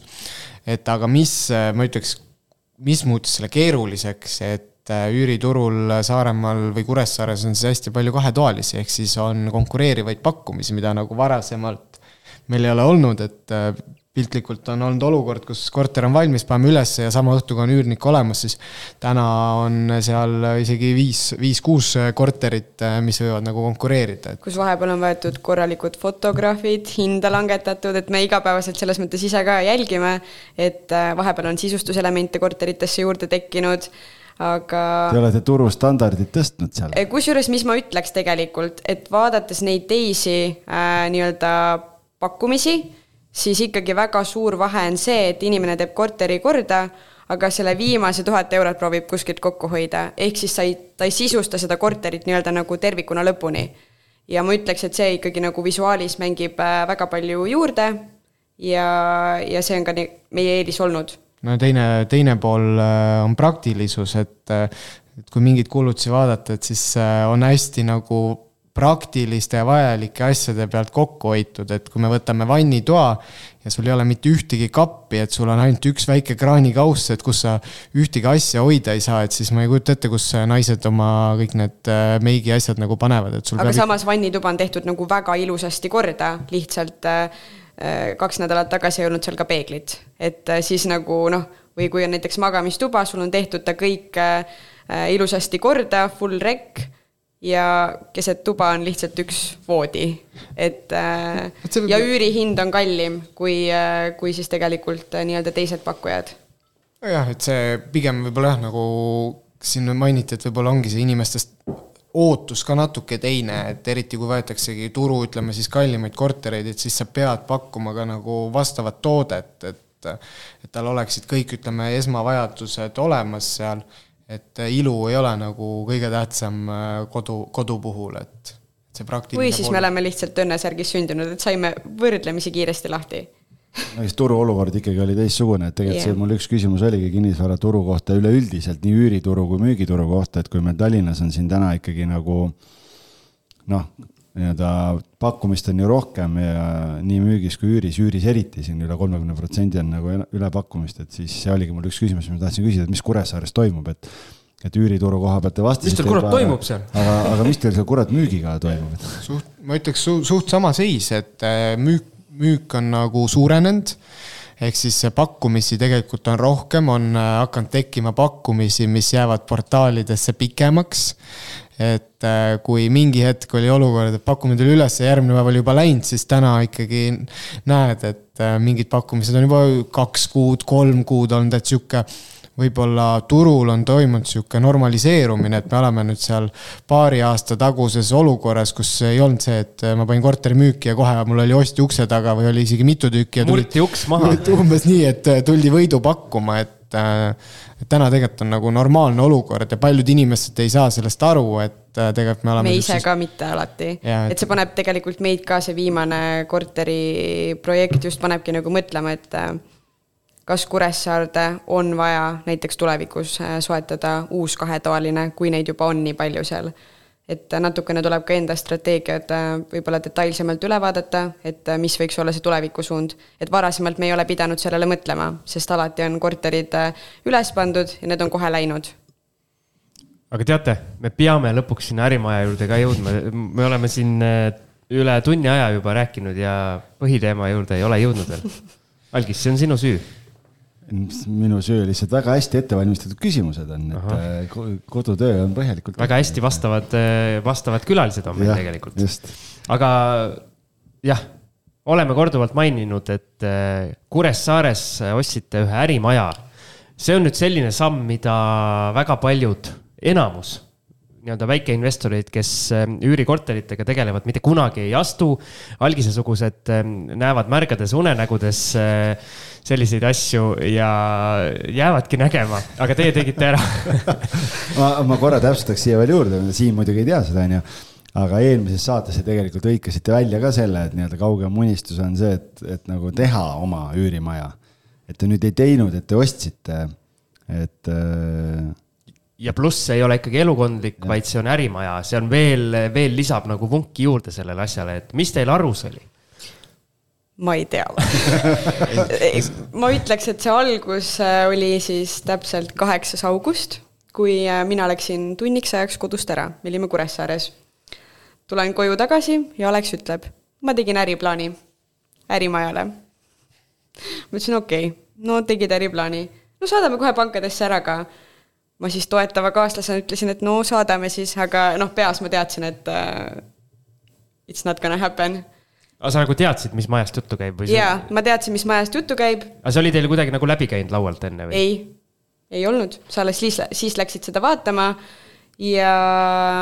Alex vaatab sellise muigega, et pool no. juttu nagu on ja pool juttu nagu ei ole ma lihtsalt olin väga kindel, et see ei lähe tehingusse, aga, aga selles mõttes, et ma aitasin sul need kirjad pankadesse välja saata. sa olid lihtsalt kuskil oma mingi seitsmendas taevas et ostad ja teed ja. no mul on üldjuhul jah, et äh, ma Eliisi juurde ei lähe uute projektidega enne, kui ma nagu olen veendunud, et äh, numbrid äh, Excelis jooksevad välja, see projekt on nagu siis perspektiiviga, et ta ei ole võib-olla ainult nagu rahavoo objekt, et et äh, meie suund on see, et me otsime alati nagu siis ostetavas kinnisvaras mingit lisandväärtust, et äh, selles, selles objektis ma selle lisandväärtuse leidsin, et noh, siis ma seda hakkasingi Eliisile vaikselt presenteerima. kõigepealt Eliisi peal praktiseerides ja siis juba pankade peal, et äh, ja noh, mis meie nagu üllatuseks, et pangad tuli, vähemalt üks pank tuli nagu kohe kaasa, et jah, see oligi meie suur viga, et me, see oli laupäevane päev, me saatsime laupäeval kohe selle äh, kiiresti kokku pandud äriplaani panka ja esmaspäeval tuli roheline tuli. Öeldi, et roheline projekt, lähme tehingusse, lihtsalt nüüd mingisugused sammud, mis on vaja veel ära teha. Ja ütleme niimoodi, et äh, ma olin ka, et ohoh, Alex, et väga tubli poiss, et rohkem pankadesse ei ole vaja jutule minna ja suhtleme siis selle ühe pangaga edasi aga sealt sai siis kogu edasine jada tegelikult äh, alguse. oota, aga räägime, mis, mis see on, kui suur maja, mis see hinnaskaala oli? kui ikkagi laupäeval mingi mõte tuleb ja esmaspäeval juba, juba ärimaja hakkad ostma, siis äh, tundub minu jaoks natuke kiire tempo, aga võib-olla teil oli okei okay. no ütleme nii, et ise ka ei olnud valmis nii kiireks tempoks, et äh, pangast pigem ootasime rohkem nagu võib-olla täpsustavaid küsimusi, enne kui nagu rohelist tuld näidatakse. aga kui numbritest rääkida, siis ta avalikult oli müügis kolmesaja üheksakümne tuhandega. Äh, suurus on äh, circa viissada ruutu, äh, millest täna siis on üüritud circa nelisada ehk siis sada ruutu on sellist, mida saab siis tulevikus välja ehitada ja siis. see on see osa, mis pani Aleksi silma särama. et sealt saab nii-öelda siis lisandväärtust tulevikus luua, et täna sealt nagu rahavoogu ei ole, kuigi see pind on olemas. et see mingi hetk nõuab investeeringuid, võib-olla, mis natuke seda teeb keerulisemaks, on see, et see on B-klassi muinsuskaitsehoone, et seal on nagu päris palju erisusi, millega tuleb arvestada ja täna siis meie fookus ongi see, et äh, kuidas siis seda protsessi nagu käima lükata, et päris nagu palju õppimist. mille baasil sa tegid need äriplaani kalkulatsioonid, kas sa said e-, olema seal müü-, müüja käest siis mingid rahavoo numbrid, mille baasil sa panid numbrid kokku või see oli sihuke noh, et vist on nii? Ei, mul oli kõik müüjalt äh, siis olemas nagu hetke rahavoog äh,, oli üks pool Äh, teine pool ma juba teadsin, et äh, mis kordajaid nagu pank soovib näha, et siis ma vaatasin, kas need sinna mahuvad ära, mis hinnaga need hakkavad sinna ära mahtuma siis. et siis selle hinnaga ma tegin ka pakkumise, et kui numbrid jooksid Excelis välja, oli üks pool. ja, ja noh, teine pool oli see, et ega ka tulevikuvaade, et mida me tegelikult pangale presenteerisime, et noh, ajas siis tõusevad üürihinnad, suure tõenäosusega saame me sinna üüritavat pinda nagu juurde, et see jällegi omakorda äh, loob lisandväärtust, et. ja see oli varasemast äriplaanist siis ka erinev, et me olime välja toonud siis, äh, mis saab aasta pärast, mis saab kahe aasta pärast, mis saab kolme aasta pärast, et meil oli nii-öelda nagu pikem perspektiiv siis pangale ka ette näidata. ja kui palju see vajab nii-öelda nagu lisafinantseeringut, kust me kavatseme seda lisafinantseeringut äh, otsida et, et kõik see oli ka, et see oli juba selline põhjalikum Excel, mis sealt läks siis äh, teele. aga seda ostu siis finantseerimise poole pealt toetas jälle mingi varade väärtuse kasv või, või kust see finantseerimise pool no, seal, kuidas see teoks sai? no see sai teoks äh, ütleme kolme, kolme komponendiga, üks oli siis äh, pangaosa, teine oli siis omakapital, mis meil äh, tol hetkel vaba oli ja kolmas oli siis FFF ring, et äh, oma tutvuste kaudu sai ka siis nagu kaasatud mida raha. meil esialgu ei olnud plaanis kaasata. ja pank lubas võtta juurde siis? sealt tegelikult see jada pihta hakkaski, et meil oli plaanis siis üks ettevõtte all olev korter siis anda pangale lisatagatiseks mis nagu esialgu pangas lendas, lendas kuni täiesti lõpuni välja, et äh, mis oligi nii-öelda nagu pankasid nimetamata, oligi siis meil nii-öelda nagu see suhtlus oligi, et äh, jaa, kõik on roheline, ühte kinnitust on veel vaja, siis äh, allkirjastame lepingu ja saab tehingusse minna.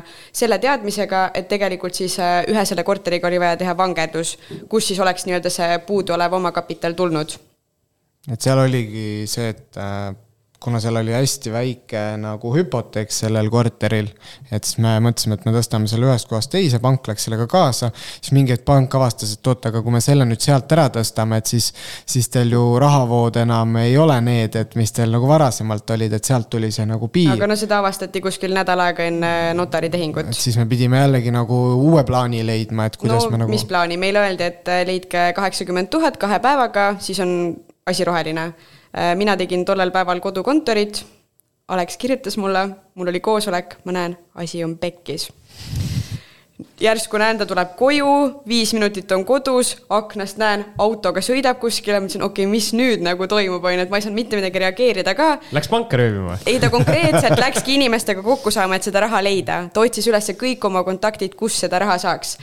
tuleb natukese aja pärast koju tagasi, kümme tuhat on olemas, seitsekümmend veel ja sisuliselt põhimõtteliselt nagu järgmiseks päevaks meil oli see nagu raha koos äh,. me olime hullult happy'd, kirjutasime panka, nii, raha on olemas, et ootame siis seda viimast kinnitust. ja siis tuli pangast, et see läheb vastuollu vastutustundliku laenamisega ja siis selles mõttes nagu noh, oli seal ikkagi vaidlemine, et mis mõttes, et äh, selles mõttes te ise ju panite meid sinna olukorda. et võib-olla me oleksime nii-öelda nagu sellest tehingust loobunud, aga meil oli makstud broneerimistasu, tehtud äh, nii-öelda kulutusi viieteistkümne tuhande euro ulatuses, millest äh, noh, mina juba peas mõtlesin, et pekki, see oleks see summa, millega saaks pulmad peetud, et kas nagu ei tahaks nagu päris niimoodi vastu taevast visata. Ja siis sellepärast me võimlesime ja siis pank ikkagi jäi väga kindlaks, kuni siis äh, vaatasime kõik need vestlused üle, mis meil panga nii-öelda halduriga oli, et algusest peale roheline tuli, et see on ju tegelikult ikkagi kliendi eksitamine, mis, äh, mis ikkagi selles mõttes äh, Finantsinspektsiooni vaatest äh, kindlasti ei ole tervitatav. ja siis ühel hetkel kodune jurist lõi välja praegu. jah, täpselt. pärast tööpäeva võtsin äh, arvuti taga koha sisse ja tegelikult äh, kirjutasin juhatuse liikmele äh, väga pika kirja koos nii-öelda screenshot idega, et see ei ole okei okay., et tegelikult tänasel hetkel meil on teie pärast tekkinud viisteist tuhat eurot kahju, mis on järgmised sammud õhtul kirjutasin, järgmisel päeval kohe sain kõne, et projekt vaadatakse uuesti üle. sama päeva õhtuks vaadati projekt üle mulle toonitati mitmeid kordi, et jaa, kuna tegemist on ikkagi juristiga, et te ju täpselt teate, kuidas neid asju teha, sest ma kordagi ei maininud Finantsinspektsiooni, ma lihtsalt ütlesin, et tegemist on äh, kliendi eksitamisega.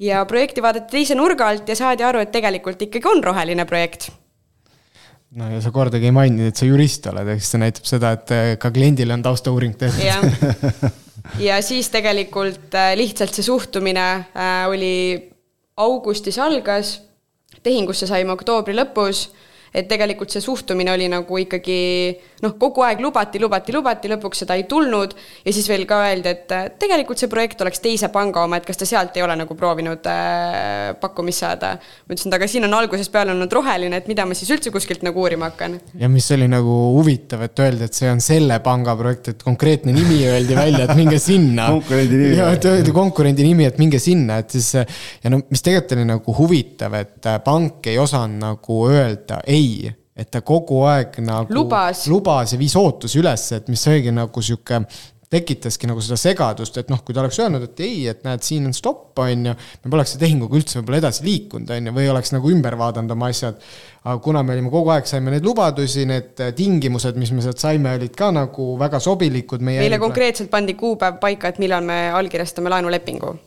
et, et sihuke nagu tegelikult tagantjärgi ma ütleks nagu halb kogemus ka nagu pangaga aga noh, siis äh, see konkurent, kes, kes.... aga vahepeal meil võeti broneerimist selles mõttes see, see broneerimine ka sealt KV-st maha, et selles mõttes nii-öelda majal jälle. nagu bronnitasust ilma juba. jäime ja. juba ilma ja selles mõttes omanik oli ka arusaadavalt närvis, et kuulge, et mis mõttes, et kogu aeg olete lubanud siis me tegelikult isegi saatsime mingisugust pangavestlust ka omanikule, et ta näeks, et me nagu noh, me ei ole kuskilt kuuld kukkunud, et tegelikult ka nagu on selline olukord Äh, kui see viimane kinnitus tuli sellest äh, ühest pangast siis ära, et äh, okei okay,, et ikkagi saate, et vaatasime projekti teise nurga alt üle, mis on väga huvitav, et esmaspäeval on ühe nurga alt vaatamine, teisipäeval vaadatakse natuke teise nurga alt, on ju kui juhatuse liige on kaasatud. no täpselt. ilm oli teistsugune, tuuled olid teiselt poolt. et siis me võtsime selle riski ja maksime nii-öelda teistkordse broneerimistasu omanikule ja tegelikult hakkasime, me ei tahtnud lihtsalt põhimõtte pärast juba äh, sellest konkreetsest pangast võtta. ja siis hakkasime suhtlema teiste pankadega. aga lihtsalt ongi, kuna projekt oli nii mahukas, siis ei ole see, et täna teed taotluse, homme saad vastuse. et see oli nagu see, mis, äh, mis tegi selle nii-öelda olukorra ärevaks meie jaoks aga jah, siis lõpuks äh, oli päris hea äh, sellele pangale saata info, et kuulge, meil ei olegi teie abi vaja. kas te siis äh, nüüd läksite sinna panka, mida konkurent soovitas? ja, ja, ja need, oh, täpselt meie objekt oligi no, nii. kusjuures ei, aga sealt ikkagi tuli üsna kiiresti, et asja, ma ütlesin ka ausalt, et tegelikult on nii, et meil on nagu konkureeriv pakkumine olemas, seis on halb, nagu aeg mängib lihtsalt meie kasuks ja. kahjuks kahjuks, kahjuks jah. aga kuna ma ise olen selles äh, pangas kunagi töötanud ja neid haldureid natuke nägupidi tean, et siis ma strateegiliselt valisin selle halduri nime, keda ma nägin juba tollel ajal maja peas, maja peal jooksmas ja seal komitees äh, valju häält tegemas. jah, ma ütleks, et väga suur vahe on halduritel, et see on noh, öö ja päev, et äh, kui üks haldur oli selline, et noh, kogu aeg midagi lubas ja ütles, et midagi ei sõltu temast, siis see haldur oli pigem selle hoiakuga, et kõik sõltub minust, et äh, ma nüüd tahan seda, seda, seda. ja kui need on olemas, siis me saame asjaga edasi liikuda, et see oli nagu konkreetsust oli niivõrd palju rohkem meil tuleb äh, siin, äh, võin lubada siin lähiajal üks pank ka külla, nimesid praegu ei nimeta ja see pank käis meil äh, eile kontoris ka külas ja siis, kui me just refinantseerisime seda enda korteri ostu, siis see pank, kes meil külla tuleb, nemad sinna meile laenu ei pakkunud, sest noh, ühesõnaga ma neid põhjuseid räägin seal saates siis, aga. oota, ma segan sulle vahele, vaata Harry Potteri filmi, kes on näinud, seal on see, seal on see pahalane, keda ei tohi nimetada, meie saates on pangad, keda ei tohi nimetada. ja siis on äh, oli, ma rääkisin selle, selle loo ära selle panga esindajale, siis ta ütles, et ja, ja selle halduri nime, siis ta ütles, et ahah, et, et, et ja, et tema on see haldur, et, et sina said nüüd selle, et on vaata nagu ülikondadega, et on rätseplahendused ja valmislahendused, et sa said selle valmislahenduse.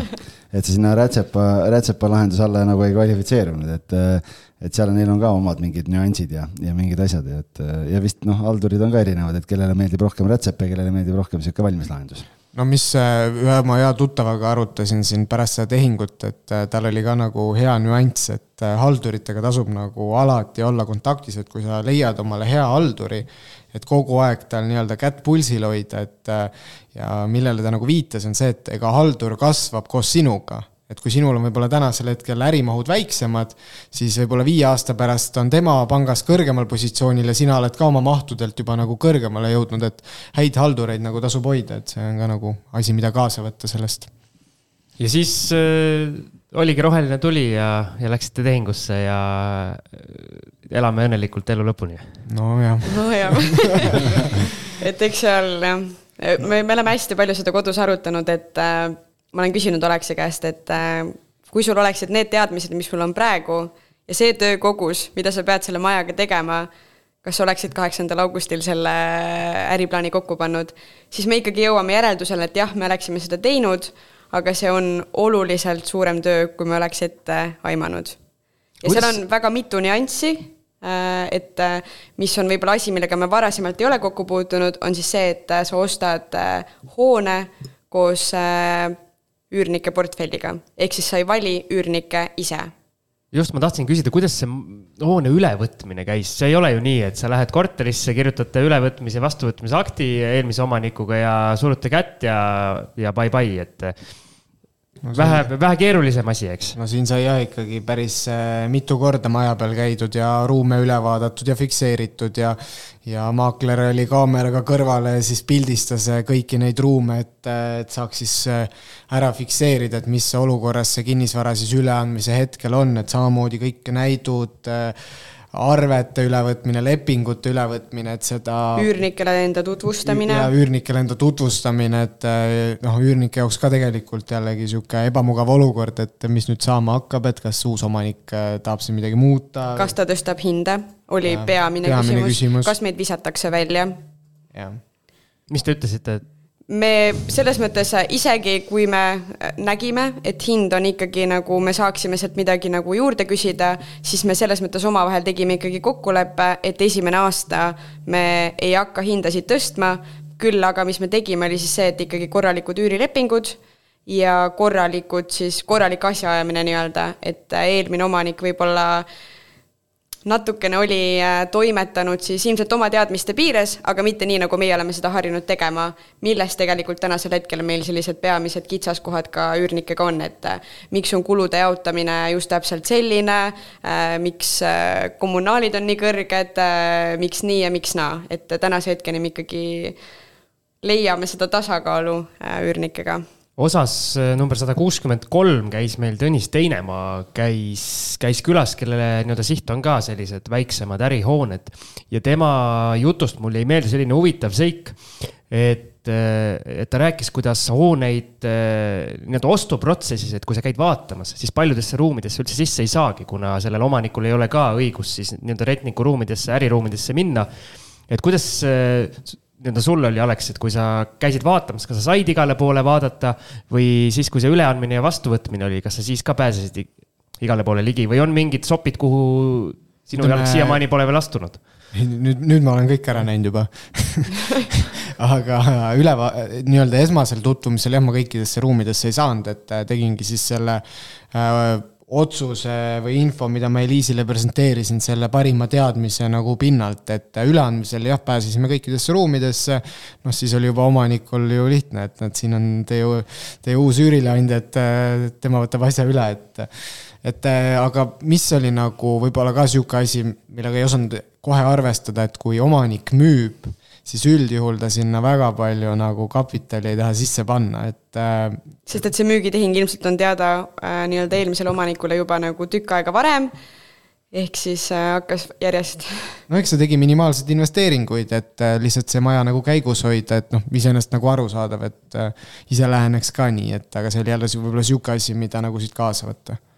ühesõnaga tuli hakata kohe mingeid äh, asju nii-öelda lappima ja jah, ja, ja eks ka üürnikel see, et äh, natukene ikkagi katsetatakse piire, et koheselt ikkagi selles mõttes äh, probleemide nimekiri. postkast oli umbes nii, see oleks vaja ära teha, see oleks vaja üle vaadata, et siis tegelikult oli nagu meil vaja üldse teha nagu selline ülevaade, et mis on nagu päris probleemid, mis on kriitilised probleemid, mis me võtame kohe töösse, mis eeldavad suuremat kapitali, et nagu selles mõttes, et kui tõesti, mis me oleme proovinud ka praegu selgeks teha, et kui, kui üürnik maksab nii palju alla turuhinna ja me ole, teeme sinna suuremas koguses investeeringuid, siis see üürihind lihtsalt muutub, aga sellest ei taheta aru saada, et kui meie paneme sinna sulle ühte pinda sisuliselt, ma ei tea, kümme tuhat sisse, siis see üürihind ei ole enam see, mis ta on tänasel hetkel.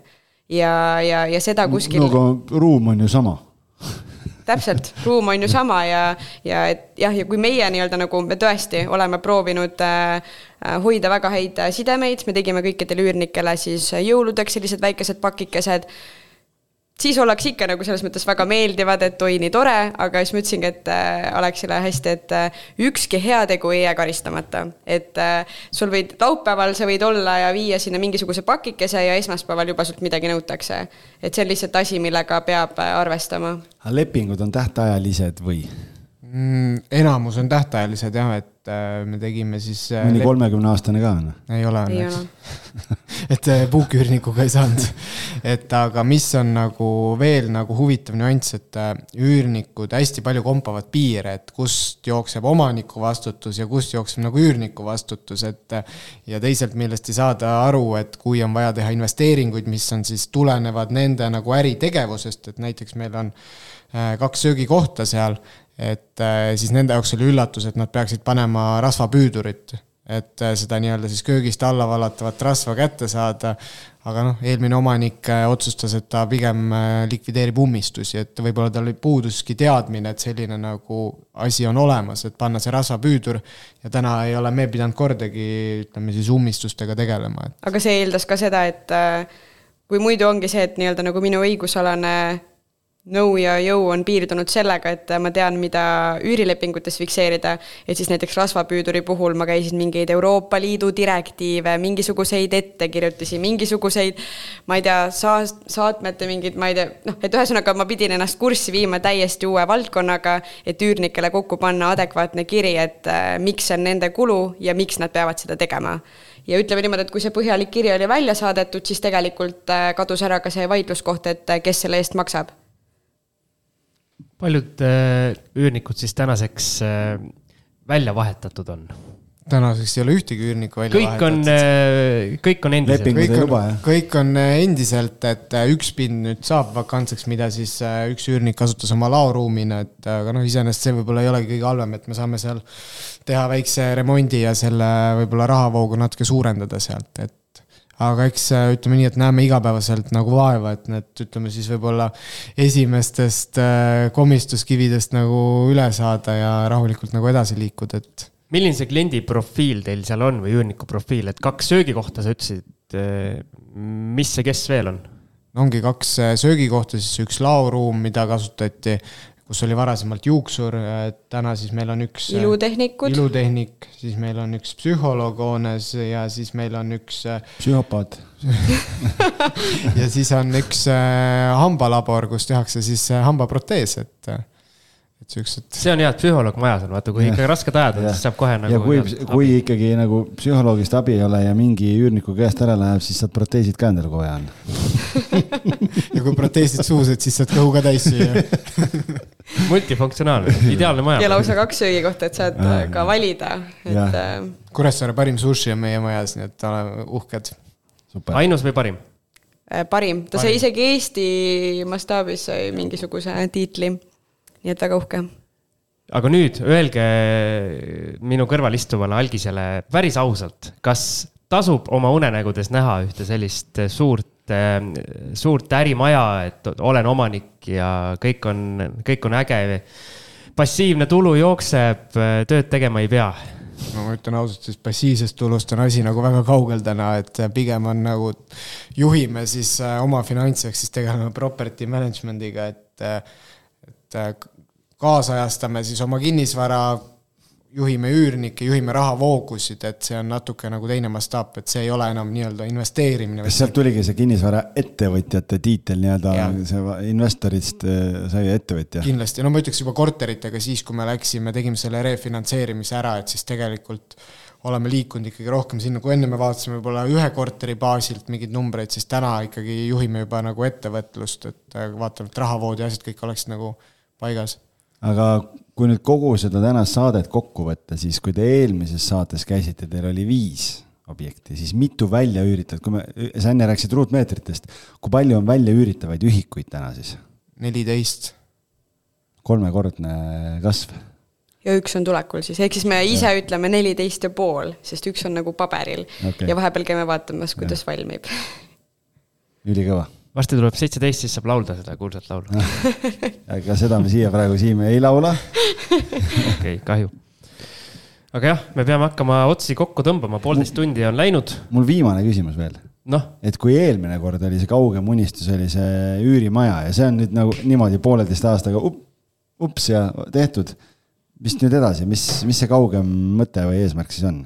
siiamaani oma üürimaja, et täna on, ütleks sihuke poolik lahendus, et me ostsime nagu toimiva siis äh, kinnisvara, et ikkagi mingi hetk tahaks nagu ise midagi ellu viia ja teha siis nii-öelda oma visiooni järgi hoonet, et ja kujundada, et see on võib-olla nagu üks pool, mis on nagu äriliselt, aga noh, ütleme nii, et mingi hetk tahaks võib-olla natuke rahulikumalt ka elus võtta, et selle kohta ma ütlen hästi, et aasta alguses sai eesmärkidesse pandud, et äh, võiks natukene rahulikumalt hakata võtta, aga sellega on see, et kui tegevusplaani seal taga ei ole, siis suure tõenäosusega see jääb nii-öelda selleks uusaasta lubaduseks.